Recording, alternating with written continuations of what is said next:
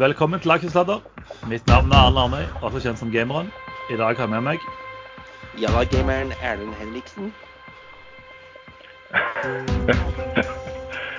Og jalla-kongen Erlend Henriksen også. Og jalla-raideren Lars Brandingen. Det er en eh, skikkelig jallagjeng som er samla her i dag. Eh, Sven og jeg samla, han er litt dårlig humør, så vi skal høre mer om det etterpå. Men eh, Lars, før vi starter, skal vi ta en disclaimer. Jeg kjenner at de trengs i dag. Ja, og i dag har vi full kontroll på den for en gangs skyld. Vi gir ingen råd. Dersom du hører på hva vi sier her om markedet, aksjer, enkeltaksjer og livet for øvrig, er ansvaret helt og holdent ditt eget. Takk, Lars. Dagens sending er sponsa av ig.com. Så gutter, hvordan har den siste uka vært? Sven, skal vi starte med deg? Du som er godt humør og strålende fornøyd i dag. Ja, det er jo torsdag og snart helg. Det er jo fri i morgen. 1. mai, da skal vi gå i tog og eh, protestere mot eh, dårlige vilkår og støtteordninger for eh, daytradere og, og, og kollegaer. Men eh, før det eh, Fed kom jo i går med masse nyheter om eh, hvor mye penger de hadde brukt og putta inn i markedet, og markedet har gått til himmels. og De lovte å fortsette med det. Så for en som da er opptatt av eh, makro og eh, at kart stemmer med terreng osv., så, så er det veldig frustrerende dager. Ja, så Du sier at det egentlig er litt vanskelig å trade fordi markedet oppfører seg hva skal man si, eh, ikke logisk i forhold til at det er 30 millioner arbeidsledige og økonomien står i stampe? Det er ikke vanskelig å trade. Det, det, det du bør gjøre, det er bare å lukke øynene og kjøpe. Eller kjøpe og så lukke øynene. Det, det har funka nå i ukevis. Eh, så det er jo ikke vanskelig. Men det strider mot eh, logikken i, i, hjernen min, i hvert fall. Men når, når markedet er sånn, eh, tar, tar, du på en måte ned risikoeksponering, eller sitter du på en måte all in med giring og hele pakka? Eller hva, hva gjør du liksom? Hva tiltak gjør du for å på en måte senke risikoen, siden du føler at markedet oppfører seg eh, unormalt? Uh, nei, jeg trader mye mindre enn jeg gjorde for noen uker siden. Fordi at uh, jeg tar mye mindre tar mye mindre risiko. da. Prøver noen små shorts, noen små longs, men er veldig forsiktig. Mm. Lars, hvordan har uka di vært?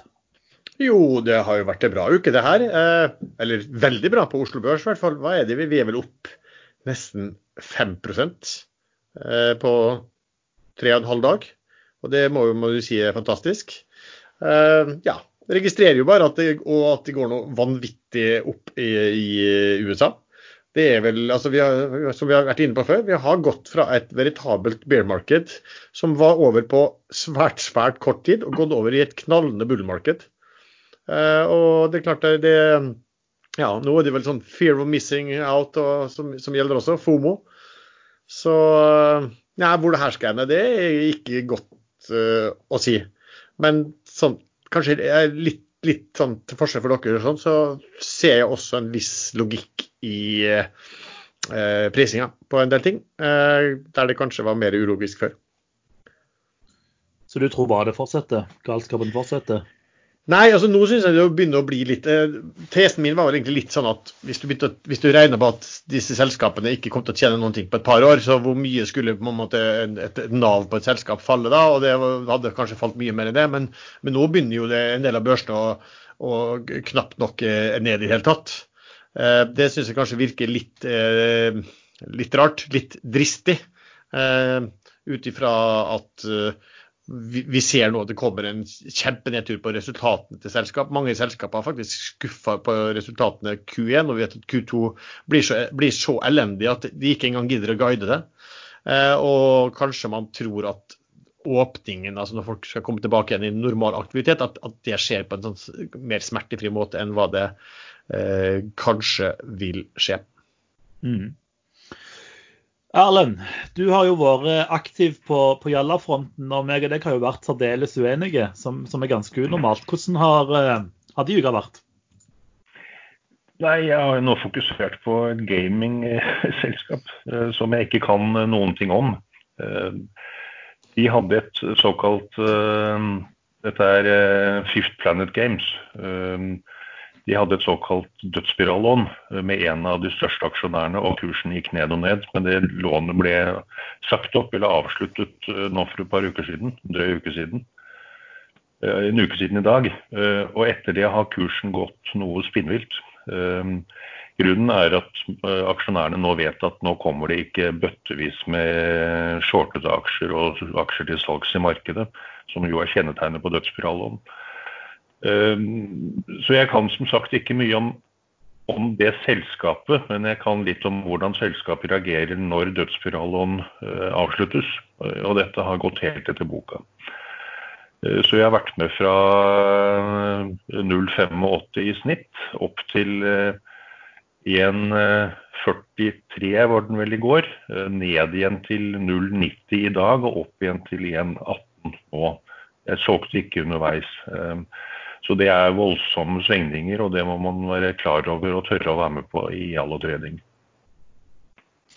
Spennende. Så det er det du har brukt mesteparten av uka di på? Det er Fifth Planet og, og Jalla-traden? Ja, jeg er fremdeles helt Uber-ber til hele markedet. Jeg skjønner ikke at et aksjemarked skal opp til nesten all time high eh, nærme seg der hvor det var før krakket kom. Når, som du sier, 30 eh, millioner mennesker er arbeidsløse. Det er jo det er mye, mye mer enn det. Det er 16 millioner bare i USA. Eh, så kundemassen forsvinner. Og det er ikke så mange andre land enn Norge delvis Danmark, Tyskland, til, til dels USA som klarer å redde disse arbeidsplassene. De er borte, de kommer ikke tilbake. Så hvem skal da kjøpe alt som produseres fra de firmaene som overlever etterpå? Dette er ekstreme ringvirkninger. Uh, og vi har bare så vidt sett begynnelsen på en voldsom nedgang, tror jeg. Mm. Eh, la oss hoppe litt tilbake til Fifth Planet. fordi Det interessante der er jo at eh, meg og deg er jo totalt uenige. Eh, som, som, du, som, du, sier, du har egentlig null peiling på gaming og selskap, og du har kun gått inn fordi du vet at når et dødsspirallån avsluttes, så er det på en måte en stor oppgang. Eh, mens jeg på en måte ser litt mer på, på en måte spillhistorikk og den biten der, og vet at Fifth Planet eller Hugo Games de har jo en historie på med spill som bommer og ikke treffer. Og de har jo hatt emisjoner herfra til månen. Så de endt opp et dødsspirallån når det ikke var mer eh, emisjoner å, å, trykke ut. Men på en måte, hva, hva tenker du framover på selskap? Hvor lenge sitter du i, i type da, Fifth Planet? Hva tid er hele gevinsten for dødsspirallån oppturen tatt ut? Altså Hvor langt kan den gå? Eh, Her er, eh, da, bruker jeg litt teknisk analyse, veldig enkel lommeteknisk analyse. Kursen kom fra 20 kroner, men eh, rundt 4-5 så begynte den å stabilisere seg litt. Og så har den gått i trinn nedover, forbi 2,50 og forbi rundt 1,35 som den klarte å passere i går. Um, Selskapet må ha penger, det har de selv sagt. Men de har tre spill i porteføljen som skal lanseres fra juni og fram til august. Um, og de har ganske sterke navn i den porteføljen. Så uten å si noe som helst om spillene uh, Jeg har fått med meg det du har sagt om kvaliteten på den det har levert før. Det ene er Tintin. Det er, uh, det er et kjent navn. Uh, mobilspill basert på hans karakter. Men det andre er Vikings, og det er jo virkelig stort merkenavn. Der har de enerett på å produsere mobilspill med Vikings-serien som, som underlag. Eh, så her tror jeg at selskapet skal hause kursen noe voldsomt framover, få den høyest mulig før de kjører emisjonen. Og Da spørs jo hvor stor rabatt de gir i emisjonen, og den tror jeg blir veldig stor. Så man må eh, ri den aksjen til man ikke tør lenger, og så dumpe den før emisjonen kommer. Og det er jo selvfølgelig ikke veldig enkelt. Nei. Eh, han, han, tidligere lederen, han Kølle, han har jo solgt en del aksjer denne uka, så jeg. Er han helt ute av selskapet, han, eller tror du han... det må man regne med. Han, han solgte nesten alltid for i børsmeldingen. Og en tidligere CEO og gründer som forsvinner ut av et selskap, eh, det er helt vanlig at de selger. Det har vi sett i veldig veldig mange selskap. Det er bare bra. De, de snakker stort sett dritt om selskapet. Ja, nei, han, Det er jo han som på en måte har vært emisjonskongen. så For ordens skyld så har jeg ingen aksjer i, i, Fifth Planet fordi jeg syns det er for jalla. Men uh, jeg er litt enig i forhold til Tintin og Vikings med to veldig store IP-er. Uh, og hvis de faktisk har bytta ledelse, eller de har bytta ledelse, så kan det jo være et håp om at de har uh, endra litt og, og, gjort ting som, som kanskje funker. Så, Funcom klarte jo den snuoperasjonen. Fra å levere spill etter spill som ikke var økonomiske suksesser, så klarte de faktisk å få til en voldsom økonomisk suksess med, med den siste Ikke sant. Ja. ja, det er helt sant. Eh, rett ledelse og og, og, litt guiding har, har, mye å si. Eh, Funcom ble jo på en måte òg redda av eh, en sterk IP, mens Tintin og Vikings er gjerne enda mer aktuelle, faktisk. Erlend Henriksen gjør, rett og slett, er bare, han bare ser på historikken, eh, hvordan det bruker å gå med selskap som kommer seg ut av den type, eh, den type sånn dødsspiralfinansiering. Og, og, det er utgangspunktet ditt, at du, du, du, har sett det der før, at da bruker kursen å gå, og da hiver du deg inn. Da hiver jeg meg inn, og så ser jeg på hvor kursnivåene lå før, uh, før de bundet ut. Mm. Det, det, som... det er ren psykologi. Eh, det har veldig lite med hva de driver med i det hele tatt. De kunne solgt peanøtter for den saks skyld. Ja, Men det er jo greit nok. Altså, det er jo, de som driver med teknisk analyse, bryr seg heller ikke om, om, om hva selskapet holder på med. Så det er jo greit å liksom, trede litt på en nesten sånn regel som man har sett, at dette ja, blir utfallet. Jeg kan bare nevne i den forbindelse, i går så gikk Bergen Bio noe voldsomt. Eh, den stoppet på 55 kroner. Eh, det virker veldig tilfeldig. Det var en ordentlig spike, og så ramla den ned igjen til rundt 40. Eh, hvis man går tilbake og ser på kurshistorikken, i juni 2018 så stoppet kursen på 55,50. Det var all time high. Så den klarte akkurat ikke å ta ut all time high det er ikke tilfeldig. Det er, det, det er Boots uh, algoritmer som programmeres til å pumpe kursen til den går opp dit. Og så hiver de seg på salg samtidig som FOMO slår til, Fair of Missing Out, og da har de mange kjøpere som uh, tar imot, som blir med ned igjen etterpå, stakkar. Mm.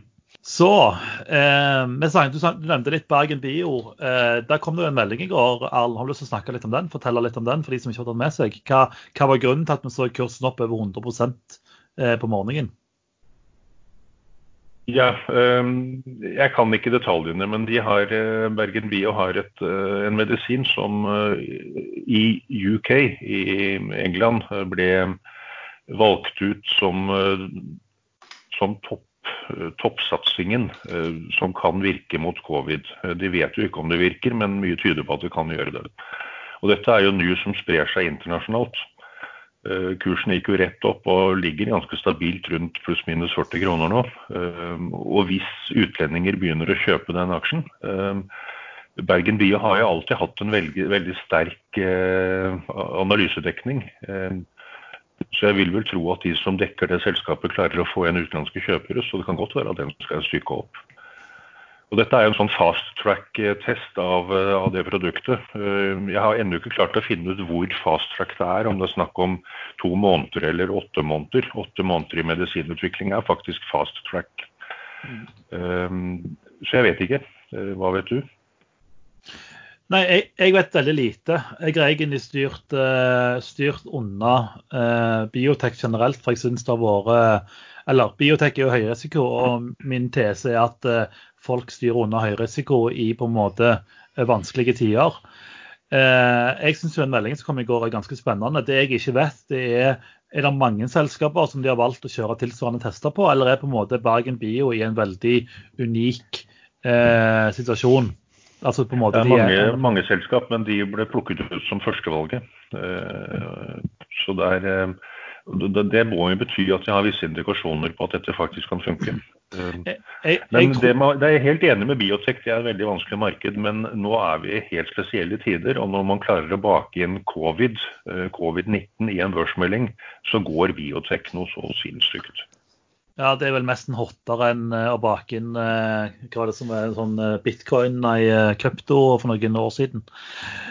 Men jeg, jeg, tror jeg så en artikkel om at de hadde testa det på enkeltpasienter i Norge og hatt veldig godt resultat. Gjerne det var bakgrunnen for at var, de ville gjøre en studie. Jeg vet ikke.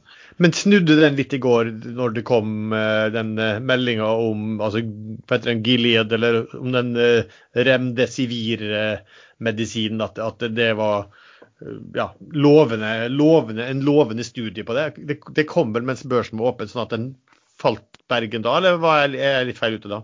Den falt litt tilbake pga. det? Bergen begynte å stige et par dager før den meldingen kom, faktisk. Og her er det noen som har uh, enten fått litt informasjon de ikke skulle fått, eller så har de fulgt med i utenlandske tidsskrifter og sett at her uh, ligger det an til at det, det middelet i den medisinen skal testes ut. Uh, mm. Så jeg, jeg, tror det siste. Dette har vært offentlig informasjon, men vanskelig tilgjengelig informasjon. Så kursene gikk jo fra helt ned på 12-13-tallet, tror jeg, opp til ca. 20 før meldingen kom. Ja, men jeg tenker på også etter meldingen kom, at den gikk jo opp i 50, og så falt den, eller 54, eller hva du sa, så falt den litt tilbake igjen. og Om det var fordi at det kom en melding ja. samtidig fra USA om, om, om, det andre legemiddel som, som Trump og, og, han Ikke sant. For det, hvis, uh, hvis Remdesivir skulle funke veldig bra, så vil jo det fjerne litt av grunnlaget for markedet til, uh, til Bergen Bios uh, produkt. Men vi må i løpet av sendingen snakke litt mer om dette remdesivir, for det er, eh, det er, eh, nesten på grensen til humbug at dette hauses opp på den måten der. Få høre. Humbug. Hvorfor er det humbug? Det var en test eh, i forgårs fra USA som ble lagt fram også av Gilead selv som positiv. Men det ble straks kritisert kraftig fordi det var et altfor lite utvalg, og det var eh, ikke signifikante eh, hva heter det for noe, fordeler eh, man så. Det man så, det var at antall dager innlagt på sykehuset det ser ut til å reduseres med rundt 30 Og Det er jo veldig viktig i en sånn situasjon hvor helsevesenet kan sprenges. Men det var som sagt ikke signifikant stor nok, undersøkelsen var ikke stor nok til å si at dette er sikkert. Og Samme dag eller dagen etter så kom det en undersøkelse fra Kina som faktisk er en såkalt eh, blind dobbelttestet, uh, dobbeltsjekket undersøkelse, jeg kan ikke disse faguttrykkene, som var negativ. Den viste veldig lite resultat om i det hele tatt. Så mm, jeg tror dette er veldig mye politikk. Trump vil ha dette fortest mulig gjennom eh, amerikanske FDA, som eh, godkjenner eh, medisiner. Og Fauci støtter opp under dette her, men jeg vil tro at Dette er min tro. Jeg tror at han er utsatt for et voldsomt press fra Trump og de andre i den regjeringen til Trump for å pushe dette gjennom FDA, sånn som Trump også pushet gjennom en midlertidig godkjennelse av dette malariamedisinen, som, som han nå ikke snakker om i det hele tatt, fordi den viste seg å drepe folk. Eh, det var eh, dobbelt så høy dødsrate på, et veteransykehus i USA eh, med de som brukte denne malariamedisinen i forhold til de som ikke brukte den. Eh, så den snakker ingen om lenger, og det samme kan skje med remdesivir. Vi vet ikke nok om bivirkningene, vi vet heller ikke nok om det virker. Og det er en medisin som ble utviklet eh, mot ebola som ikke var vellykket, og som siden den gangen, eh, når var det, 2010-2011, ikke har vært brukt i en, noen annen sammenheng. Den er ikke godkjent til noe som helst. Jeg syns ikke det er et veldig godt utgangspunkt. Nei, Det virker litt som desperasjon, syns jeg. Eller eh, forsøk på å hype noe, eller jeg vet ikke. Altså når den type aktører, Jeg har også sett på Twitter at folk som virker å være, ha god kunnskap om det, syns at den eh, de resultatene er veldig interessante. Det er vel den første liksom, globale, for den er tatt i flere land. Det var vel hva var det, 1000, var det 1000 stykker. Eh, og de, de, det de gjør, er at når, når man holder på med en sånn eh, undersøkelse. Man tester på pasienter, og så tester man på placebo eh, ikke sant, også. Eh, og hvis man syns de resultatene er eh, gode, så sier man at man har en etisk grunn til å la de som går på placebo, også få bruke legemiddelet. ikke sant? Fordi at de, mener at det her virker ganske klart. Altså hvor, men hvor sterkt det virker altså Det var jo tydelig sånn at altså, eh, Jeg forsto det slik at de mener at det er statistisk signifikant at innleggelsesperioden har gått ned. Men så er det veldig mye av den gruppen man ikke vet. Det som da ikke var statistisk signifikant, i hvert fall ikke ennå, det var dødeligheten. Eh, den var ikke det. Eh, men det er jo viktig, som, som Erlend var inne på også, at, at mye av nedstengningen her er jo for at du skal gi helsesektoren fred, sånn at den ikke blir helt oversvømmet. Og det er klart at Hvis innleggelsetiden per pasient eh, går klart ned, eh, så vil jo det hjelpe ganske, ganske, så mye. Og så er det vel sånn at Jeg så han der Fauci, han snakket vel om eh, når man begynte å komme med middel mot hiv. så kom han med et som virket litt, og så kom man med kanskje andre som kunne komplettere det. at Her var det en, fortsatt en, en, en, en jobb. Og det, og det sa Falki direkte i går, at dette er, det, dette er som man så på hiv. At nå har vi funnet det første middelet som hjelper litt. Mm. Og det tok, tok, lang tid, mange år, før cocktailen som nå brukes mot hiv, var så perfeksjonert at de kan leve et normalt liv og heller ikke smitter andre. Ja. Så vi, man skal ikke Jeg syns det er helt feil å gi for store forhåpninger. Man kan, gå, man kan godt gi forhåpninger, men man må være realistisk også. Ja. Fauci, da mener du Fauci? Fauci. Fauci, Fauci, ja, det var det jeg sa. Men jeg, jeg sier det sånn at dere forstår hva jeg sier. Okay, ja. men, det, men, jeg bare, men, jeg må bare, si det, det Erlend var inne på også, som er litt interessant. Jeg sitter faktisk akkurat nå og ser på The Lancet. Eh, for de har jo kommet med en rapport også. fordi at det foregikk jo da en eh, en eh, undersøkelse i Kina eh, som faktisk eh, ikke viste seg ha noen virkning. Det jeg forsto her, er at de der hadde de altså ja, cirka, Hva står det her? De hadde 237 pasienter.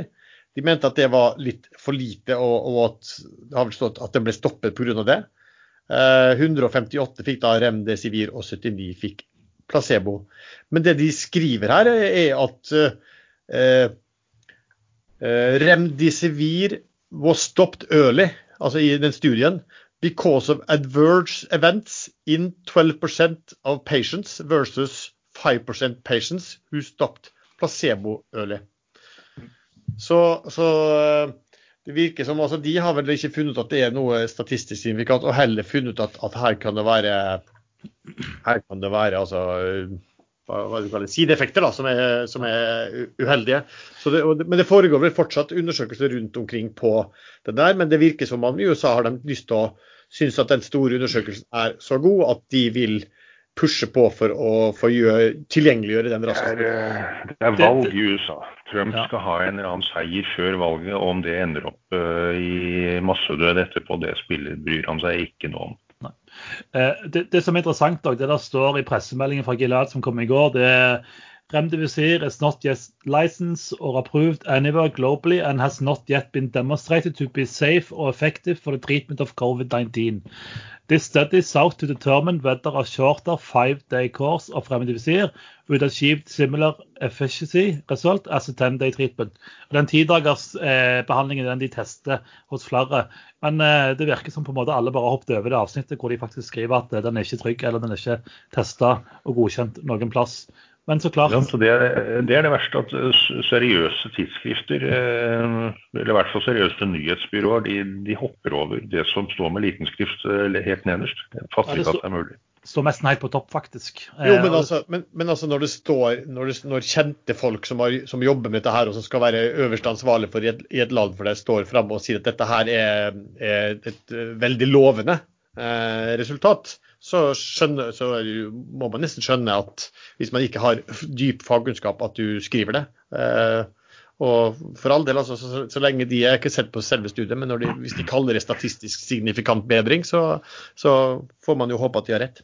Men, så vidt jeg har forstått, så er det en undersøkelse til som, holder, som snart er avsluttet. Og det er visstnok eh, info, informasjon fra den undersøkelsen som eh, Fauci eh, viste til når han går videre. Men det er hemmelig ennå.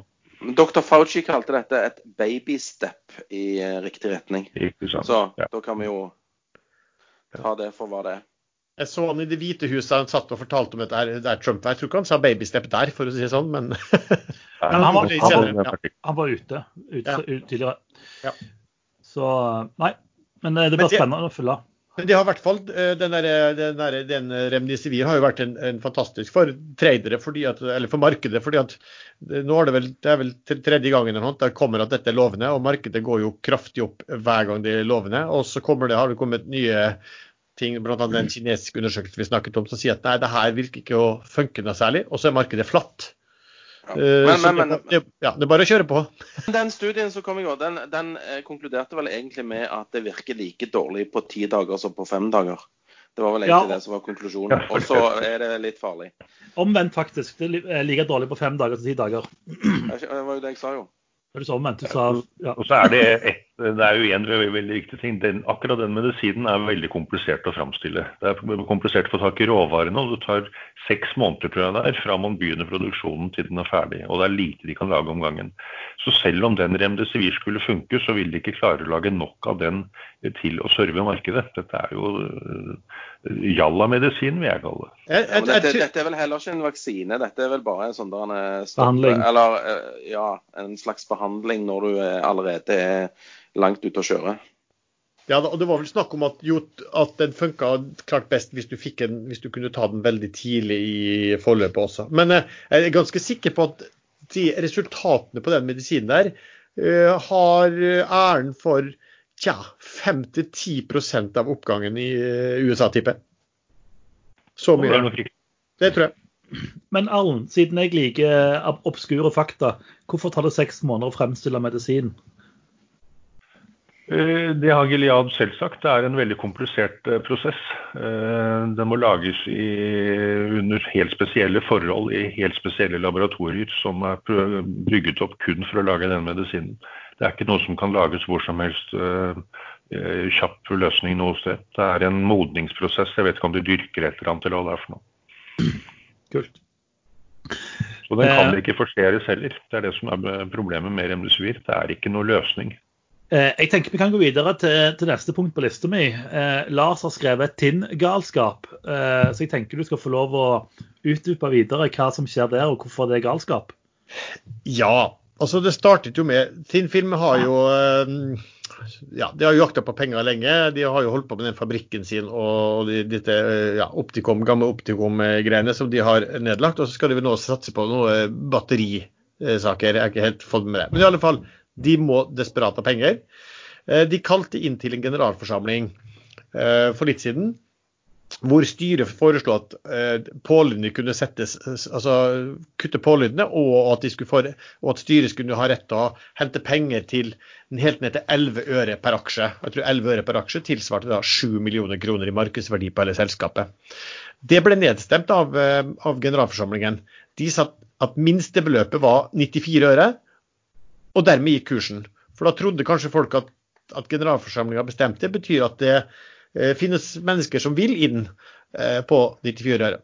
Så kommer det da no, ny melding at de beklager, på det nivået der så finnes det ingen interessenter. Eh, de kaller inn på, til ny generalforsamling, og da eh, skal de hente altså og, og, da en gruppering som skal inn med jeg tror det var 25 millioner kroner på 11 øre, altså 7 millioner kroner i markedsverdi før. Ikke nok med at de skulle ha og det, Da skulle det vel trykkes opp en eh, tja, 225 millioner aksjer. Men de skulle også ha warrants, altså opsjoner, på nye 225 millioner aksjer på 11 øre også. Og så tror jeg det var nye 227 millioner. Men det var liksom satt høyere da, for en liten sånn gulrot, om det var på 20 øre eller 20, Jeg tror kanskje det var 25 øre også. Eh, sånn at de nye aktørene vil jo da totalt overta, og så skulle det være en liten reparasjonsemisjon da, mot, eh, mot de eksisterende aksjonærene. Men det som da skjer, er at eh, OK, her blir det massivt utvanning. Altså det, det, kommer noen som totalt overtar selskapet inn på kurs 11 øre. Og så blir kursen liggende over én krone. Og det vil jeg jo da si er galskap. fordi at ja, eh, du skal godt tenke at hvis den dealen der eh, stemmes gjennom, så, så, tviler jeg vel på at de som har gått inn med de pengene, hvis de kan tredoble pengene, altså 33 øre, hvis de kan, hvis de kan tredoble det eh, ganske raskt, så tror jeg nok ganske at de kommer til å lempe ut de aksjene i, eh, i, i ganske solid tempo. Og her, er det altså, her priser altså selskapet da tigangeren uh, over det nivået. Og nå har den vel også gått X eh, tegningsretter. Det gjorde han vel i går også. Sånn at de som kjøper nå eh, aksjer i selskapet, de får heller ikke noen rett til å tegne seg på eh, 11 øre i det hele tatt. Jeg har ikke fulgt med kursen i dag, jeg vet ikke hva den er på engang. Nei, 89 øre eller noe sånt. Ja, det, Men her så jeg da mitt snitt til å kjøre en Jalla-trade i går. Eh, og Det bygger jo på, på vakuumteorien. Eh, alle disse milliardene aksjer eh, kommer jo, men først skal det godkjennes på generalforsamling, og så skal det registreres i Brønnøysund etter at et prospekt er klart. Så dette er mange mange uker siden de aksjene kommer. Eh, og i den perioden så vil gale tradere eh, som meg eh, den aksjen ut ifra hva market cap vil bli etter at de har fått inn penger, etter at de nye aksjene har kommet. Og da er det ikke så mange aksjer i markedet. Men jeg gjorde en tenkefeil i går. Det er et annet selskap, hva het det der gamle AAGIP eller et eller annet, det som er hidden nå. Eh, der lå kursen på tre øre, og så kom det tilsvarende melding. Eh, alle visste at den ikke var verdt mer enn tre øre, men da gikk kursen tigangeren. Den gikk opp til 30 øre før den ramla tilbake igjen. Stemmer det. Eh, så jeg tenkte det samme skjer i går, og kjøpte på 1,02 og var med opp til 1,18. Og så begynte den å ramle tilbake igjen, så begynte jeg å tenke litt til. Og regnet ut at fra 11 øre til 1,11 så er det allerede tigangeren. Korrekt. ikke sant. Så jeg hev meg ut og fikk en kaffekopp i fortjeneste. Men jeg hev meg ut før dagen var omme, så jeg fikk ikke tegningsretter til emisjonen. Så det, da, sånn som kursen utviklet seg i, i går, første dag uten tegningsretter, så hadde det faktisk lønt seg å beholde de aksjene. Men er det lov til å si, når du kaller vakuumteorien, er jeg veldig slem da når jeg, når jeg for min del døper den litt til vakuum mellom øra-teorien? Det er jo en spekulasjon i at det er veldig mange aksjonærer som har vakuum mellom øra. Ja, ja det, det, er jo, det, det, er jo, litt det du sier, at matematikken gjelder. For Case er jo bare at hvis du skal kjøpe, kjøpe betale én krone for den aksjen her, så er det vel egentlig bare, er vel egentlig bare to, to, grunner til å gjøre det. Enten at du er en del av en grupperingen eh, som skal få aksjer på 11 øre, at du kjøper aksjer bare for å sikre deg at du klarer å få stemme det her gjennom. Eh, men, men ja, det høres litt rart ut å betale tigangeren på det. Eller så kan det være at du kjøper fordi at du kanskje eier aksjer og at du gjør det for at du skal stemme ned denne dealen. ikke sant? For det er jo ikke sikkert den, den dealen her skal besluttes i generalforsamling, og da må man ha to tredjedels flertall for at det skal gå an. Men alle andre grunner enn det uh, er vel egentlig der du sitter og kjøper og eier noen ting som du vet skal falle veldig, veldig, veldig mange prosenter. Eh, og så gjelder det bare å finne ut om du finner noen som er enda dummere enn deg selv, for å være litt slem. Even Dumble-fool, ja. Ja, men det, det, er jo rett og slett Det er kombinasjonen av det Even Dumble-fool-teorien og storleken eh, når man skal prøve å komme seg ut. Ja. Da er det da er det musikken spilles og 20 deltakere, og så er det en halv stol rundt bordet. det er jo faen, det er jo faen ikke løye at, at, børsen stiger når dere driver og suller rundt i Tinn-film av alle ting. Her er vi på døra til Ragnarok og Ja, nei, Tinn-film, det kjøper vi på ei krone, vet du. Verdt null kroner. Ja vel, kjør på.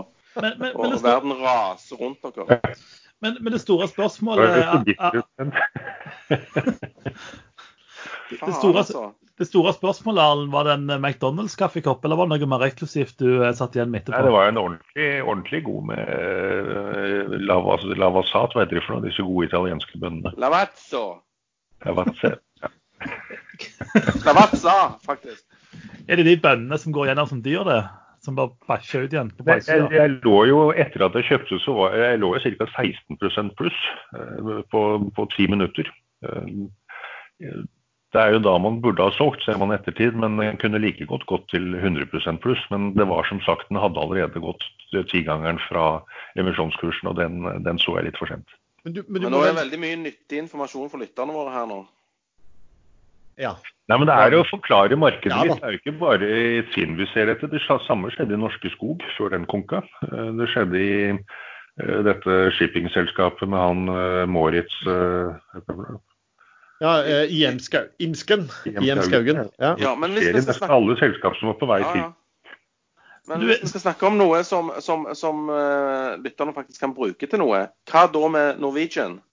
Ja, det, det, det, det neste punkt på agendaen, Sven. Men tingen er ja, men mange... Dette har òg med dette vakuumopplegget til han der uh, Jallakongen. Fordi at uh, obligasjonseierne skal stemme over uh, konvertering uh, i dag. Ja. og, og jeg vet ikke om det kommer etter børs. Men vil det ikke bli et himmelskt vakuum i Norwegian hvis eh, aksjonærene stemmer igjennom dette forslaget og sier ja. Det kommer ikke eh, aksjer på lange tider. Og selskapet er redda. Den kommer til å gå til 50. Ja, det er det samme der. Ja, Da må man begynne å se på eh, hvor kursen kom fra. Den, eh, I hvert fall over 40-tallet er det fullt mulig at den kan dra seg opp til gamle støttenivåer, som nå er motstandsnivåer. Så det, det har jo ingen økonomisk forklaring, dette her. Det er ren psykologi. Man får jo litt vondt på vegne av menneskeheten når man ser på de, hva som foregår i de, i de jo, men der. Dette har jo skjedd gang på gang. Ja, ja. Gang. Sånn som ja, Sandberg Data og alt dette. Det var jo priser til eh, Amazon.com-nivåer en periode. Det er riktig. Altså, jeg, jeg, husker faktisk Tandberg Data kom jo med en sånn eh, Jeg, jeg tror jeg faktisk jeg satt i det var så dårlig dekning der jeg var på ferie i Spania at jeg måtte sitte på parkeringsplassen og sitte i leiebilen her, og så treide jeg faktisk Tandberg Data sånne tegningsretter på morgenen da, på to øre. og De gikk jo liksom til 13 øre. Men, men selve aksjen den, jo, den, lå jo da på et par kroner, så egentlig så, tegningsrettene var jo altså det var jo et par øre i, i, kurs på det.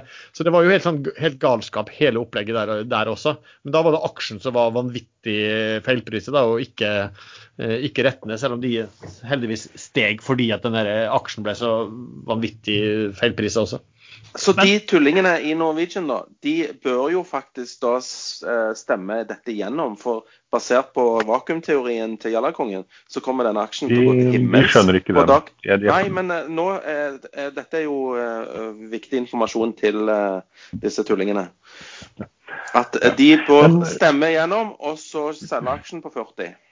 Men Sven Må jeg få ta en kort kommentar Erlend først.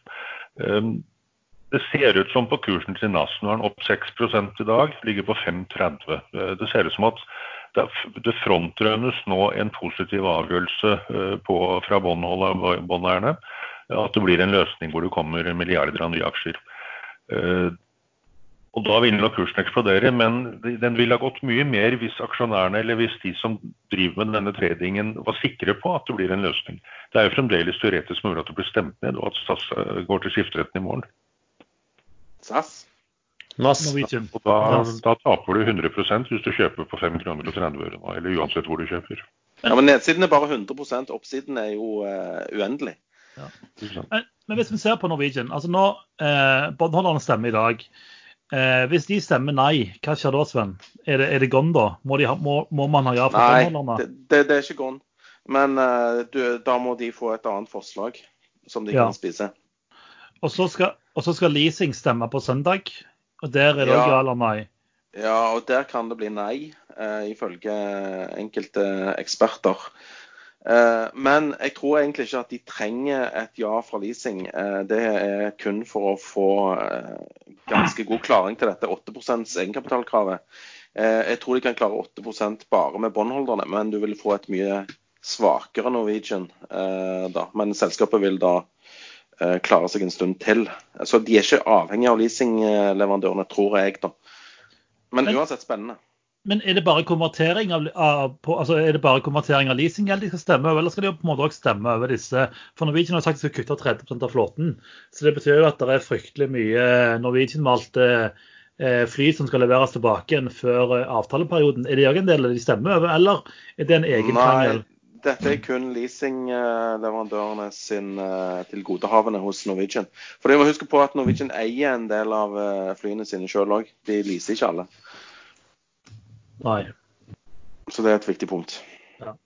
Men, men, så, okay, og så er det jo disse aksjonærene, da. Og dette, dette er jo litt interessant. fordi det er jo aksjonærgrupper eh, som på en måte mener man skal stemme nei eh, deres teori er at hvis, eh, hvis, de stemmer nei, så må staten komme inn og redde Norwegian, for man har ikke råd til en konkurs. Eh, så kan man si hva man vil om de, men jeg tror ikke vi skal si noe mer om de, for det er ikke verdt å bruke tid på de. Eh, og så er det jo en annen aksjonærgruppe som mener man skal stemme ja, fordi da, da, går dette kanskje bra.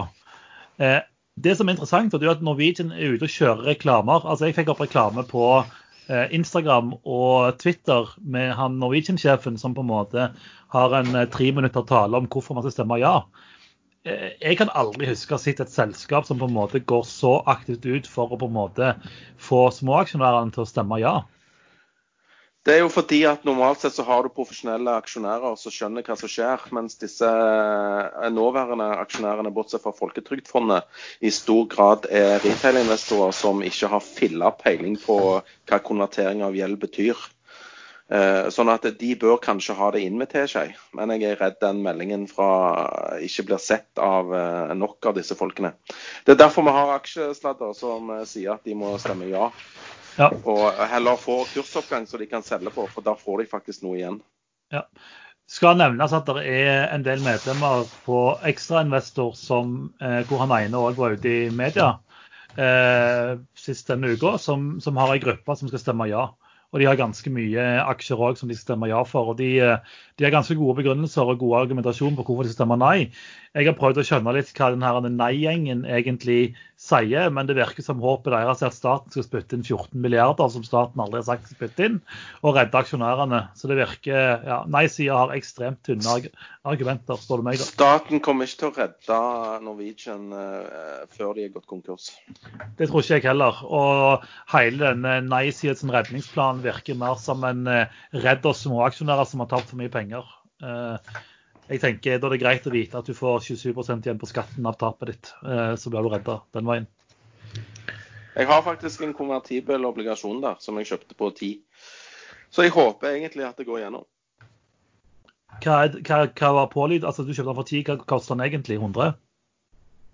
Ja, nå skal vi på obligasjonslære 101. Ja. Eh, de fleste obligasjoner utgis til 100% av pari. Ja. Eh, og så, eh, når du kjøper den på 10% da, så har den da falt med 90% Ja. Når du får konvertert den, eh, vil det, altså, vil, lønner det seg? Altså, I og med at du har betalt 10% av påliderne, så vil vel Hvis dette går gjennom, så lønner det seg kjempemasse. Fordi at uh, du i tillegg til å få konvertert 80% av aksjene, vil beholde 20% av obligasjonen som et nytt rentepapir. Sånn at de, går det gjennom, så har du allerede bare på de 20% dobla investeringen. Og så får du masse aksjer i tillegg. Nice. Det er ganske Nei, men det må jo gå igjennom først. Ja, men, men hvor mye Hvis ikke får jeg jo sikkert null. men hvor mye altså Når du skal kjøpe sånne uh, papirer, hvor mye penger må du putte inn? Kan jeg ta tusenlappen min og kjøpe Norwegian-gjeld for det, liksom? Eller må det sånn minstebeløp? På denne her konvertibelen så er det nominert i eh, amerikanske daler. Eh, så var minimumsbeløpet 200 000 dollar eh, ja. i pålydende. Altså eh, 20 000 dollar. Ja, så ca. en uh, liten uh, Skoda, med andre ord. Ja, jeg, jeg, kjenner ikke til de rare bilmerkene du nevner. Nei. En, en, en årlig, årlig, service på Tesla. eh, Utenfor garantiperioden. Ja, stemmer. Jeg, eh, hvis Lars prøver å si noe, så jeg muter deg, Lars. Så du må unmute deg er så mye støy i bakgrunnen. Men uh, skal vi prate litt om Rigg, Sven, siden uh, du har våkna og er i godlaget nå? Uh, rigg, ja. Hva faen, det er rigg er faen god natt. Nei, ble nå ble jeg deppa igjen. det tror jeg var altså, ganske pilsk. Slem du er. Ja, Nei, men jeg, jeg, prøver jeg prøver liksom å rullere litt på hvem som sier noe. Og Sven har vært sånn inneslutta stille hele sendingen, så nå, nå var han endelig litt gang igjen. Men det var godt du muta han der Lars. Det funka. Hei! Hei! I'm, I'm back! Hva har du gjort, Lars? Ja. Skal du ha en kommentar om rigg? Ja, du, du, vet at når du har vært muta og begynner å snakke igjen, så bare blæster du så sinnssykt med lyd. Deilig. Ja, kjempedeilig. Men jeg fikk lista ut litt ørevoks her nå, kjenner jeg. Ja, du har vel en del også? Med tanke på alt bullshit jeg får høre fra dere, så ja. ja. Det er sant. Bullshit. Bullshit. bullshit. Men rigg, eh, jeg så bare Det var vel Arctic som hadde en sånn stor rigg-analyse. De sa vel at eh, ja, omtrent alt skal i restrukturering. De som kan klare seg, er eh, null, Northern Ocean, og så er det Oddl, Oddfjell Drilling. De kan, klare, de kan klare seg uten restrukturering. Og The Drilling Company of 1972. Hæ? The Drilling Company of 1972. Og det er? Det er de òg. Det er gamle Mersk Drilling. De har skifta navn, de, vet du. Å oh, ja. Hæ? Het, det er The Mersk. Drilling Company of 1972 er selskapsnavnet nå. På Tuller, tuller du ikke nå? Tuller ikke nå. Nei, ticker DRLCO i Danmark. Mm. The Trading Company of 1972. Uh, er rette uttalen. hmm. Interessant. Nå lærte dere noe i dag òg. Ja, Nå ble vi litt satt ut. Men, eh, men Sven, du har jo null. Det er jo Jeg hadde, det jeg hadde null inntil litt tidligere i dag. Vet du hvorfor jeg solgte den? Fordi at Lundin Energy De heter ikke Lundin eh, Lundin eh, Hva hva de heter før? Lundin Petroleum. Petroleum. Petroleum. De heter ikke det nå lenger. De har også Nei. skifta navn. Lundin yes, Energy. Litt bedre navn, kanskje. Lune heter de nå på tikkeren, eh, ikke Lupe. Uh, uansett, de kommer Q1 i dag, og der sier de i rapporten sin at de kommer til å korte ned uh, et boreprogram uh, med fem brønner. Og i tillegg kommer de til å utsette bruken av Vest Bolstad, som eies av Null, til Q4 2020 istedenfor Q2 2020. Så nå plutselig har eh, Null en rigg som må ligge ledig i seks måneder. Og det koster penger, i hvert fall hvis den skal være varmstakka. Da må de betale ca. 50 000 dollar dagen. Og de har ikke så mye cash. Så jeg, jeg håper det går bra, men jeg ble litt sånn satt ut av den eh, meldingen der. Men, Men har, har det null kan det, unnskyld, men kan det bli endra nå når regjeringen plutselig i dag for noen få timer siden kom med en sånn egen pakke mot uh, oljeindustrien, som skulle Jeg, jeg, tror, jeg, tror, jeg tror dette var produksjonsboring. sånn at eh, Jeg tror det er med viten og vilje at de har utsatt denne kampanjen med seks måneder. I og med at det ble pålagt at Norge skulle kutte med 250 000 fat. Ja. Så jeg tror dette er planlagt. På den Rigg-rapporten, da, så, så at det var to som sto igjen vinnere, så må jeg bare si at Men det som man sa Ja, Det etterpå var, det var tre. Det var tre. Ja, ja. Men det de sa at i etterkant så er det kanskje at de som da er vinnerne, kanskje kursmessig på børsen, kan ende opp som taperne i, i markedet. Nei. Fordi at alle de andre er da kvitt eh, eh, all gjeld. Kommer ut av en eh, konkurs eller en chapter eller levende, hva kvitt gjelden sin, gjort om til egenkapital. Og dermed så kan de ha, ha lavere kostnader i selskapet sitt eh, enn hva de som har oppført seg bra og stelt sitt bo litt eller mye bedre, kan gjøre. Så det, Ja. så, ikke sant? så det kan du da få at de, de, de kan bli, de blir skvisa av, av en som kommer tilbake igjen med, med ja, slanke kostnadsbase. Jeg skal fortelle dette er de jo klare over selv. Hemmeligheten er at du kan kjøpe en syv, syvende generasjon eh, flyter, altså en semi-submersible, eh, til 18 millioner dollar per stykk. Hvordan kan du gjøre det? Du kan faktisk kjøpe gjelda til Diamond Offshore, som nettopp gikk inn i chapter 11. Den usikra gjelda der, og de har kun usikra gjeld, den prises eh, Eller den gjør at implisitt prising per eh, syvende generasjons rigg som de eier, er på 18 millioner dollar på kurs eh, 10% på obligasjonen. Så det, det er jo mye smartere måte å kjøpe riggeksponering på via de eh, gjeldsinstrumentene enn å kjøpe overprisa aksjer som priser riggene til over 100 millioner dollar. Riggs sin aksjekurs eh, tilsvarer og Sidril og alt dette her. Det, det gir en prising på over 100 millioner dollar. Du kan kjøpe gjelden og få den til 18. Dagens sponsor er IG.com. På Aksjesladder snakker vi mye om råvarer. Olje er veldig aktuelt. Eh, hos IG kan du handle på en stor mengde råvarer. Eh, du kan handle på olje, du kan handle på bensin, og du kan handle på naturgass og mye, mye andre råvarer som er høyaktuelle om dagen. Men Lars, eh, på IG er det kun store beløp, eller kan man handle for, hvordan, hvor mye må man handle for på IG når man handler råvarer? Ja, altså på IG så kan man handle på kontrakt som følger terminsmarkedet. Du kan handle både spot, og så kan du handle ulike terminskontrakt. Beløpsmessig, du kan handle på veldig, veldig små beløp, eller veldig, veldig store beløp når du tar en posisjon. Helt opp til deg. Eh, IG de hilser alle nye kunder velkommen eh, ved ringe de når de har meldt seg inn. Eh, dersom du oppgir aksjestadder når du snakker med IG første gang, så vil du få en gratis introduksjon på deres handelsplattform og de ulike produktene. Da er det bare å åpne en konto og begynne å handle i IG sin app eller på ig.com i dag. Men eh, OK, noen nevnte Kverner. Eh, Lars, du var jo ute på Ekstrainvestor i, i morges eh, og sa at eh, jeg tror det kom en eh, pakke for oljebransjen som, som kan være positiv for Kverner. Og du fikk jo rett. Eh, hva skjedde egentlig, eller hva, hva, hva, hva har skjedd? Casen mitt var vel egentlig at for det første så var da en eh, Carnegie, analysesjef, ute i avisa i dag og sa at Kverner og Aker Solutions burde slå seg sammen. Fordi at Kverner Kværner har to verft, og de kan ikke legge ned det ene, eh, for da får de for liten kapasitet. Men, og de, de, alle disse selskapene sliter jo. De har jo bra ordremasse i år, men så begynner det å bakke. Ser det dårlig ut.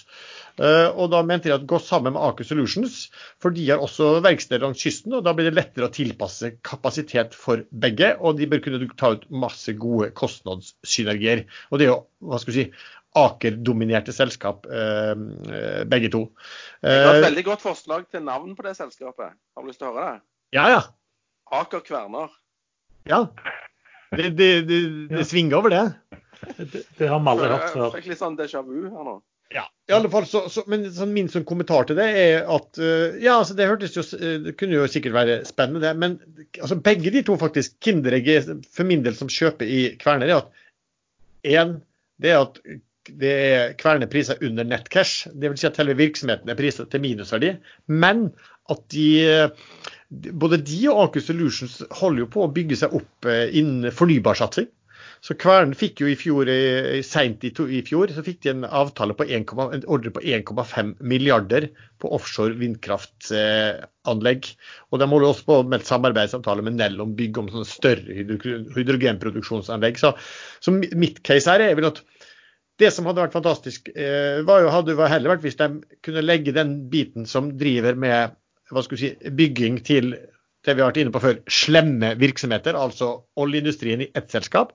Og så kunne man det som går mot fornybar, eh, altså offshore vindkraft, de har karbonfangst, de har også noe på land der, og legge det i et annet selskap. Og da hadde du fått et eh, veldig stort miljøselskap på Oslo Børs, eh, som hadde vært prisa på noen helt andre multipler. Men så var det litt, litt fordi at den, den, hadde jeg jo bare tenkt å Kverne var jo da mitt tips eh, i dag. men så så så jeg at det, kom, det skulle komme en pakke fra eh, regjeringen og den når som helst. og Plutselig sto at den kom sannsynligvis i dag. Så da bare smelte jeg ut et tips på eh, ekstrainvestor om at eh, eh, ja, det kom sannsynligvis en tiltakspakke her til, eh, til uh, oljeindustrien som skulle gjøre det lettere for de å uh, igangsette nye prosjekter. Som igjen betyr veldig mye på arbeidsplassene nedover, og som betyr selvfølgelig mye for, uh, for Kværner. Uh, og, og, den kom jo også. Så jeg tror, ja, jeg, tror jeg var, kursen var på 6,20 noen ting når jeg skrev der. Nå er den på 6,43, så den har vel gått allerede opp en ja, 3 kanskje siden den gangen. da. Ikke så, det er jo ikke så mye, egentlig. Men det var i hvert fall, det var i hvert fall, eh, det var i hvert fall litt sånn mitt eh, tips. Og nå ble den kanskje ganske kort siden den, den, eh, de myndighetene kom inn i dag. Men det kan fort bli kanskje mer snakk om sammenslåing her. Og så kanskje at de kan få litt mer oppmerksomhet om den grønne biten av virksomheten sin. Men sånne ting bruker jo alltid å ta ganske lang tid. Så det kan jo være noen for de klart tålmodige her. Har du andre tips, Lars? Tulletips er jo, er jo shorte Finn, men, men, det er jo liksom på mange måter ikke mulig, så det blir bare sånn, blir bare sånn tull, tull, ja. tulletips. Min, min erfaring er at shorten de siste ukene har vært dårlig butikk. Men uh, det er kanskje jeg som velger dårlig, for gode kandidater. Eh, Sven, du hadde òg noen tips. Har du? Få høre litt hva, hva, tips du har. da. Jeg har ikke noen tips, jeg har kun ett tips. Oi, ok. Men uh, det tipset er, kom, uh, Ingen av dere kommer til å, å, å, å tippe hva det er? Jo, for det, det som er tingen er at eh, når, når, alle tipper feil, og så sier du hva det er, og så tar meg og Lars og redigerer etterpå, og så, så klipper vi at Lars sier riktig. Ah. Ja. Jeg tipper det er eh, Saftox du har endelig skjønt eh, at det blir en pengemaskin. Ja, det er Funcomp, garantert. Ja, begge er feil. Lars siste. Uh, nei, det må være et eller annet Jeg vet ikke. Kanskje du har tenkt å kjøpe kvekk eller sånt tøys?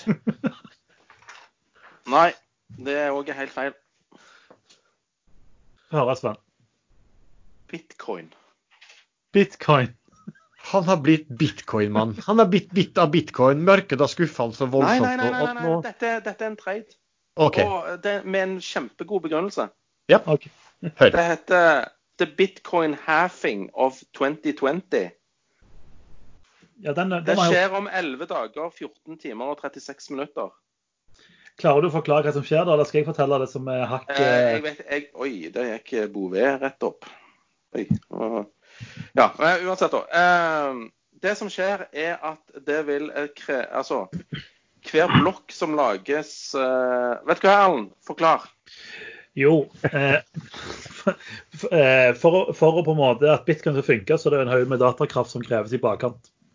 Eh, kort fortalt, de som tilbyr den datakraften, de eh, får en, eh, når en blokk produseres, så deles det ut x antall bitcoin per blokk. Akkurat nå er det tolv. Ja. Eh, om elleve dager så halveres det. Det betyr i teorien at bitcoin skal bli mer verdt. I teorien. Eh, det som er interessant her, er at den har jo halvert seg mange ganger. Altså de som jo, jo, de som mina bitcoin i gamle gamle dager, de fikk jo masse masse bitcoin per blokk. Eh, eller er det første halvår? Tuller jeg nå? Jeg er helt på tur. Det har skjedd tre, tre ganger før. Det var Ja. i 2000 og eh, det, det er ca. hvert fjerde års mellomrom.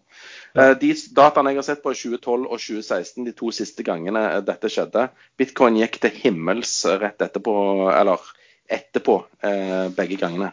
For det, det var egentlig spørsmålet mitt hva skjedde sist gang, men nå har du allerede svart på det. Ja, Så da, og, og, og, og det som skjer hver blokk nå eh, blir 6,25 eh, bitcoins istedenfor 12,5 som er nå.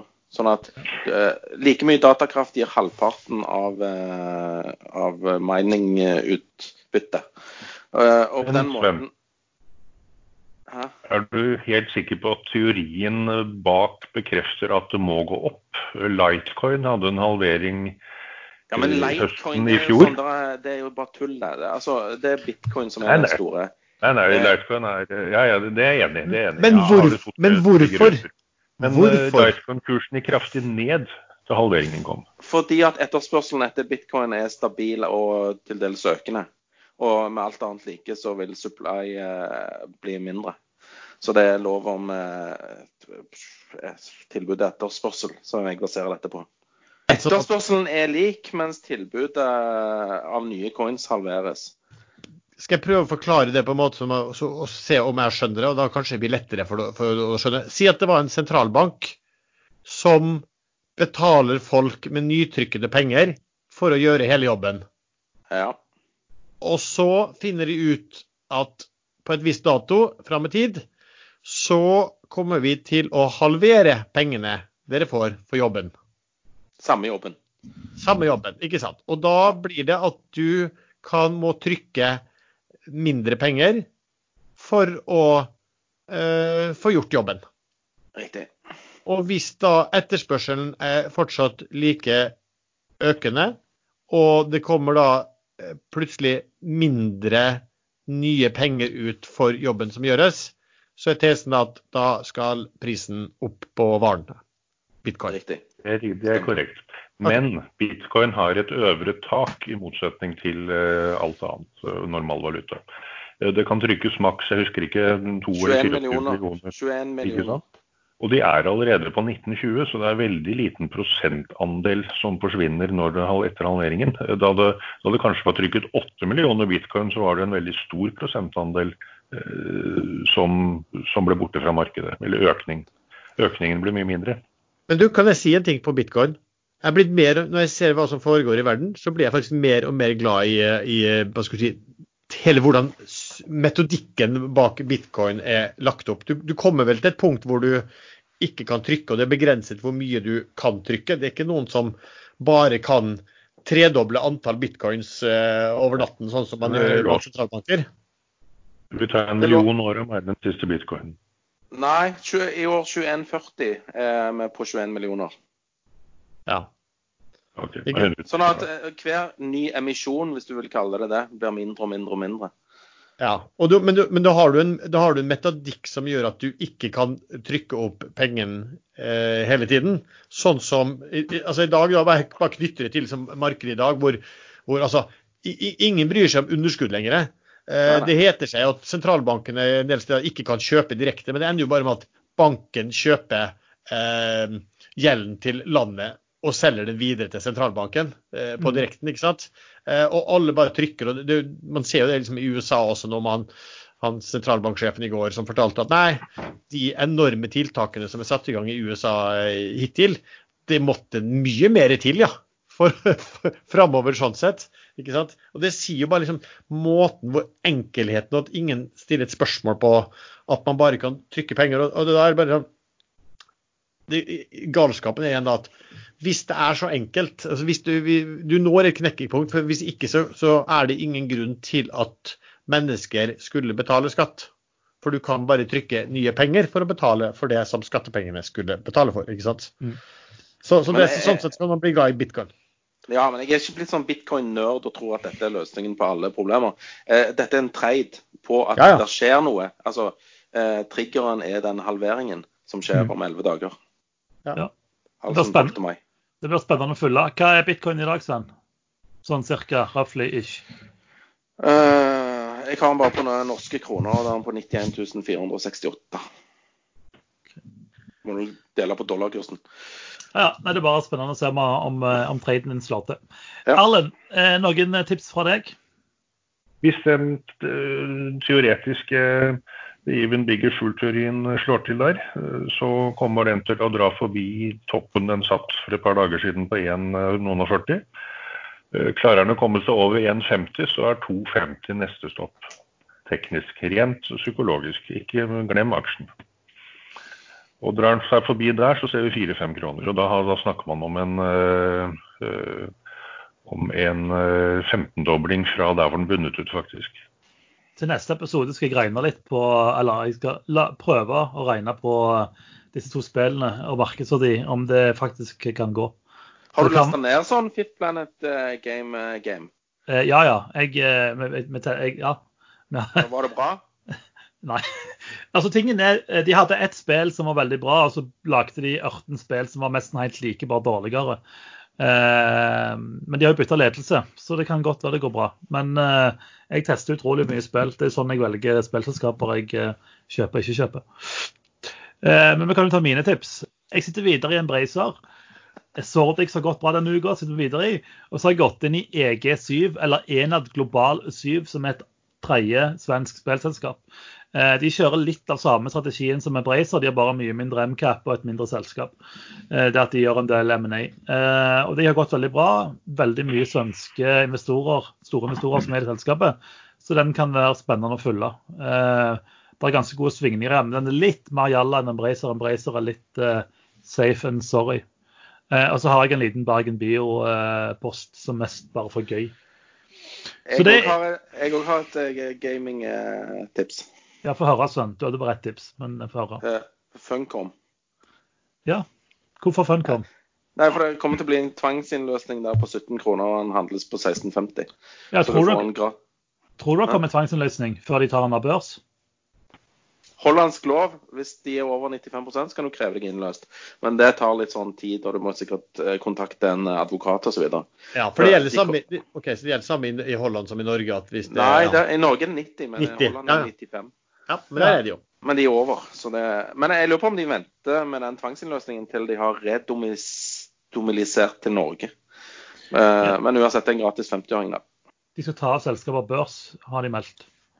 Det er noen greie prosenter der da, å hente, men eh, det er jo bare småtteri som ligger på Men det var et sånt gamingtips. Jeg tror det er det Ja, ja. beste gamingtipset ever. Ja, ja. Beste, beste gamingtipset. Da Jeg har et tips til, jeg. Nei, du får ikke lov.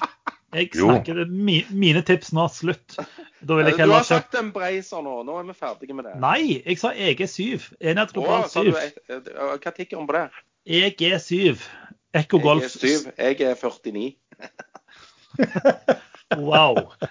Og litt, du er ikke bare for, du er litt småfrekk i kjeften, er du òg? Han, han, har, han har våkna når han har fått det der han har vunnet null, nullet sitt. Så nå, nå skal han hevne seg fordi jeg har drevet og fyrt den opp hele sendingen. Eh, men det er greit. Nei, eh, det var, altså, jeg, jeg er syv, litt, litt mer jalla, men eh, den kan gå. Eh, ja, Arlen, få høre tipset ditt siden du hadde tips til. Jo, det er mer generelt tips. Eh, Nå har vi covid Vask hendene dine. Hør nå her. Hør nå. Eh, Alt kommer til å bli mer, det kommer til å bli krav om mer kortreist av alt. Eh, Produksjon av medisiner kommer Norge til å kreve produsert, til å legge opp til at det blir produsert i Norge. Ja. Eh, Nok til alt vi trenger selv. Samme mat. Jeg så på mail fra kolonial.no nå, jeg vet ikke om de er børsnotert, er de det? Nei, De taper iallfall masse penger. Jeg har Jo, men nå, nå har de en helt ny produktportefølje i tilbudet sitt. Det er norsk kortreist mat fra små meierier, små kjøttprodusenter, pølser, spesialmat. Eh, Dette kommer vi til å se masse av, eh, og noen kommer til å tjene penger på det. Eh, Men Vistin er et selskap som produserer da metformin i Norge, men vi selger det ut. De selger det vel ut som råstoff, og så trilles pillene i andre land. Så hvis de kjøper inn råstoff som de lager til metformin, som trilles til piller i andre land. Eh, Her tror jeg regjeringen i Norge vil legge opp til at vi også kommer til å øh, eh, lage piller, eh, sluttprodukt i Norge, eventuelt en bindende avtale med et annet land som gjør at eh, Norge vil få det vi trenger uansett. Eh, Hvis man skal tørre å stole på sånne avtaler i den tid som kommer nå framover. Så mm, alt som kan lukte av kortreist i Norge, da tror jeg til og med gruveprosjekter vil prioriteres framover, sånn at vi har de metallene vi trenger til, til det vi Norge er eh, ganske høyteknologisk i offshorebransjen. Eh, vindmøller osv. Det er mye, mye spesialmetaller man trenger, og vi importerer vel så godt som alt i dag. Det tror jeg det blir slutt på. Jeg tenker vi avslutter med eh, siste punkt på agenda som vi har satt opp. Eh, DNB har jo satt av 6 milliarder eh, til tap. Men inni det så gjemmer det seg jo noen hundre millioner til en eh, litt spesiell sak, Lars. Ja, jeg har, bare sett at folk har skrevet om det på Ekstravester. At det var snakk om at de har avsatt 345 millioner kroner i ett engasjement på en, på en privatinvestor. Er det jeg hørte. er det riktig, eller? Jeg, jeg vet ikke. Sven, vet du noe? Jeg bare leste den Det samme. er bare 30 millioner dollar, det. Opphenger, det. Ja, men altså, hvilken, hvis det er en, en norsk øh, Privatinvestor. en norsk privatinvestor som kan ha tapt liksom Det må jo være en som har gått konk så det suser etter, da, i, i så fall med ja, noe voldsomt. Men altså, det står vel ikke at det er norske? Vi har privatinvestorer som tåler 350 mill. i tap. Eh, Det har vel gått ut rykter i finansmiljøet om at Gjelsten eh, sliter litt. Jo, men ha, Fra Grimstad, kanskje? Eller han, han har jo gått i vifter før, da. Han har det er jo lenge seg. siden, så det, det tapet må de jo nesten ha tatt. eh, kanskje, tatt. kanskje han heter Jens? Jens, ja. Han som solgte, solgte den her med prakteiendommen sin på Fornebu med 50 millioner i pant til DNB. i. Kanskje, men jeg vet ikke. Men en annen ting. Jeg fikk nettopp en mail fra Gjensidige. Jeg har sånn forsikring eh, der. Ja. De, kutter, de, kutter ut kundeutbytte som de holdt på med siden 2012. Tiden går, gjensidige består ikke. Ja, og så- Shell, det er oljeselskapet Shell, de har kutta utbyttet sitt for første gang siden andre verdenskrig. Ja. Det sier litt. Det sier litt. Det er jo, men det her er jo litt det de sier, at, at eh, som jeg har sett som kommentarer, at det er veldig stor eh, sprik nå mellom Wall Street og Main Street, og mellom Wall Street og hva som oppfattes inni eh, selskapene også. Det har jo vært en vanvittig oppgang også på Oslo Børs. Du har ikke sett så kjempemange innsidekjøp eh, eh, på de, og det er vel kanskje at selskapene sitter, i hvert fall en del av selskapene, da, sitter og, og, og vrir seg og lurer på hva som foregår. Noe mer vi skal prate om? Ja, jeg har en ting jeg vil prate om. Absolutt, Dette er faktisk litt viktig. Skal du prate, du prate er- lenge? Ikke kjempelenge, men i morgen altså, vi kommer sannsynligvis Nå spiller vi dette her inn dagen før 1. mai, og så må det klippes litt, og vi har surra bort som vanlig på masse greier. Det, det her kommer dere ut av på 1. mai, arbeidernes dag. Og hva i helvete? Altså, arbeidernes da, dag, og så arbeider de ikke, men går i tog. Altså, Kan du tenke deg at det var sånn musikkorpsenes dag, da? Og så satt de, men la de fra seg trommene og alt det greiene, så bare la de det på fortauet og satt, gikk på restaurant, liksom. Altså, Hvorfor, når det er arbeidernes dag, hvorfor arbeider ikke arbeiderne da? De burde jo vise seg frem, ikke for å gå i tog med, med, med skjerf og hele biten der. Er det noen som eh, du tenker på dette, Lars? Ja, det, det blir alltid irriterende. Ja, irriterer meg hvert år. Nei da, det er egentlig bare hyggelig. Jeg synes bare at de må, og må Ja, men arbeiderne, hvis de arbeider i hagen sin, så de arbeider de jo fortsatt. Jeg, tro, jeg trodde 1. mai var den store hagedagen. Var det sånn man skulle på i hagen? Nei. går ikke alle Jeg trodde de gikk i tog hele bøttene, men uh... Men jeg, jeg tviler på at de går på restaurant i morgen. I altså. De, går ikke i tog. de får vel ikke gå i tog med sånn virtuelt tog kanskje i morgen? Nei, det blir to meter mellom. Kjempelangt. Ja, eller, eller at du står foran, foran skjermen din og marsjerer, liksom. Og så kobler du på skjermen masse andre, og alle går og marsjerer i stua si. Det, da, de er vel aldri kjempelange, disse 1. mai-togene, så kanskje de får litt lengde på de år siden folk må spre seg ut. Ja. Men, Ja. Nei, Nei, det- det- nei, men det, men det er bra ja, det, det er bra det du går som bor på Nesodden, hvordan kan du forundre deg over ting som skjer i det hele tatt? Eh, Med antivax og Det er jo bare gale mennesker rundt deg. Ja, eh, rundt meg. og Det vil kanskje de, de rundt meg si om seg, rundt seg også, ikke sant? At eh, det, nei da. Det, Nesodden blir jo kalt for sånn antivaksineland, så det er vel en stor motstander. Og når det var, sist, sist, siste gang det var valg i Norge, så skrev vel Gledesstrålene på Ekstremester på kvelden at uh, antivaksinepartiet hadde blitt størst på Nesodden med 26% av stemmene. Og det, det sier jo litt at en del trodde på det. Ja, Men, nei, men nå virker det virker som børsen òg er vaksinert. Vaksinert mot nedgang. Nja, jeg vet ikke. Kanskje. Børsen, Dags, Dagsen er ned en halv prosent. Det kan jeg Ja. ikke huske å ha sett eh, i år. ja, Stockholm er ned halvannen prosent. Men den stenger jo Nei, den stengte jo faktisk for en halvtime siden. Å, faen. Stemmer. Ja, Stockholm stenger, stenger ett i dag. Stengte ett i dag. Ja, OK, jeg har stått her og kikka på Embracer nå i en halvtime, og den står helt stille. Så det forklarer jo en del. Du syns, syns Embracen var derfor du ble Nei, jeg er så kjedelig, den aksjen. Ja, hissig, Ja, vet du. var helt stille. Ja, Han beveger seg ikke på en halvtime, vet du. Helt utrolig kjedelig tradingakse. Så bra. Da vet vi hva Sven har kjøpt. Det er godt at jeg påvirker deg. Noe mer Nei, jeg fikk jo ikke kjøpt. Han, han satt jo og tasta inn mail nå. Så nok en gang kommer han med tips, vet du, så er helt ubrukelige. Fordi at når skal til å kjøpe, så er det faen stengt. Ja. Nei, det er hardt. Åpner ikke før på mandag heller, tipper jeg. Det er helt korrekt. Hardt liv. Eh, så må vi snakke om noe mer før vi runder av for ettermiddagen. Noen som føler ting som er usagt. Du har jo vært stille hele sendingen, Sven. Er det noe du vil si? Nei, så bra. Da Hva gjør bare man over helgen? Hva, tør noen å sitte long? Eh, Tør noen å legge inn en short før helgen? Jeg eh, har faktisk eh, gått fra 14% cash til 28% cash i dag. Ja, jeg har mange, mange selskap som jeg sitter long og som jeg ikke har noen planer om å gjøre noe med. Men eh, som sagt, ak eh, jeg begynner å bli Nå begynner jeg å bli litt urolig over eh, nivået på, på børsen. Så det du Jeg får sier, på litt bitcoin jeg framover til Ja. i elleve dager til. eh, bitcoin er jo, kan jo handles døgnet rundt, Sven. Så da har du noe Fantastisk i forhold til de Mitt tips kan handles eh, 24 timer i døgnet. Så det, det er bra Ja. tips. Da har du noe å gjøre på i morgen òg, når de går og trommer rundt i gatene rundt huset ditt. Jeg vil gjerne fortelle hva jeg mener om markedet framover. Jeg er überber, men jeg tror faktisk at børsene verden over skal til all time high før krakket kommer. Jeg tror Ja. du tar feil. Jeg tror eh, nedgangen starter, eh, har starta. Ja, Starta og i Sverige. takker for alle som har lytta på dagens episode. Eh, de som vil være med og diskutere hvem, eh, hvem denne privatinvestoren som har tapt eh, 350 millioner kroner av DNB sine penger, kan diskutere det på Ekstrainvestor. Vi har en egen kanal som heter Aksjestatter på Ekstrainvestor. Vi har òg podkasten Aksjestatter på Facebook, og vi er i gruppa Børsforum. Og med det så ønsker vi alle en eh, god 1. mai. Om du skal gå i tog rundt huset til Sven, eh, bluke i hagen eller demonstrere mot vaksiner på Nesodden.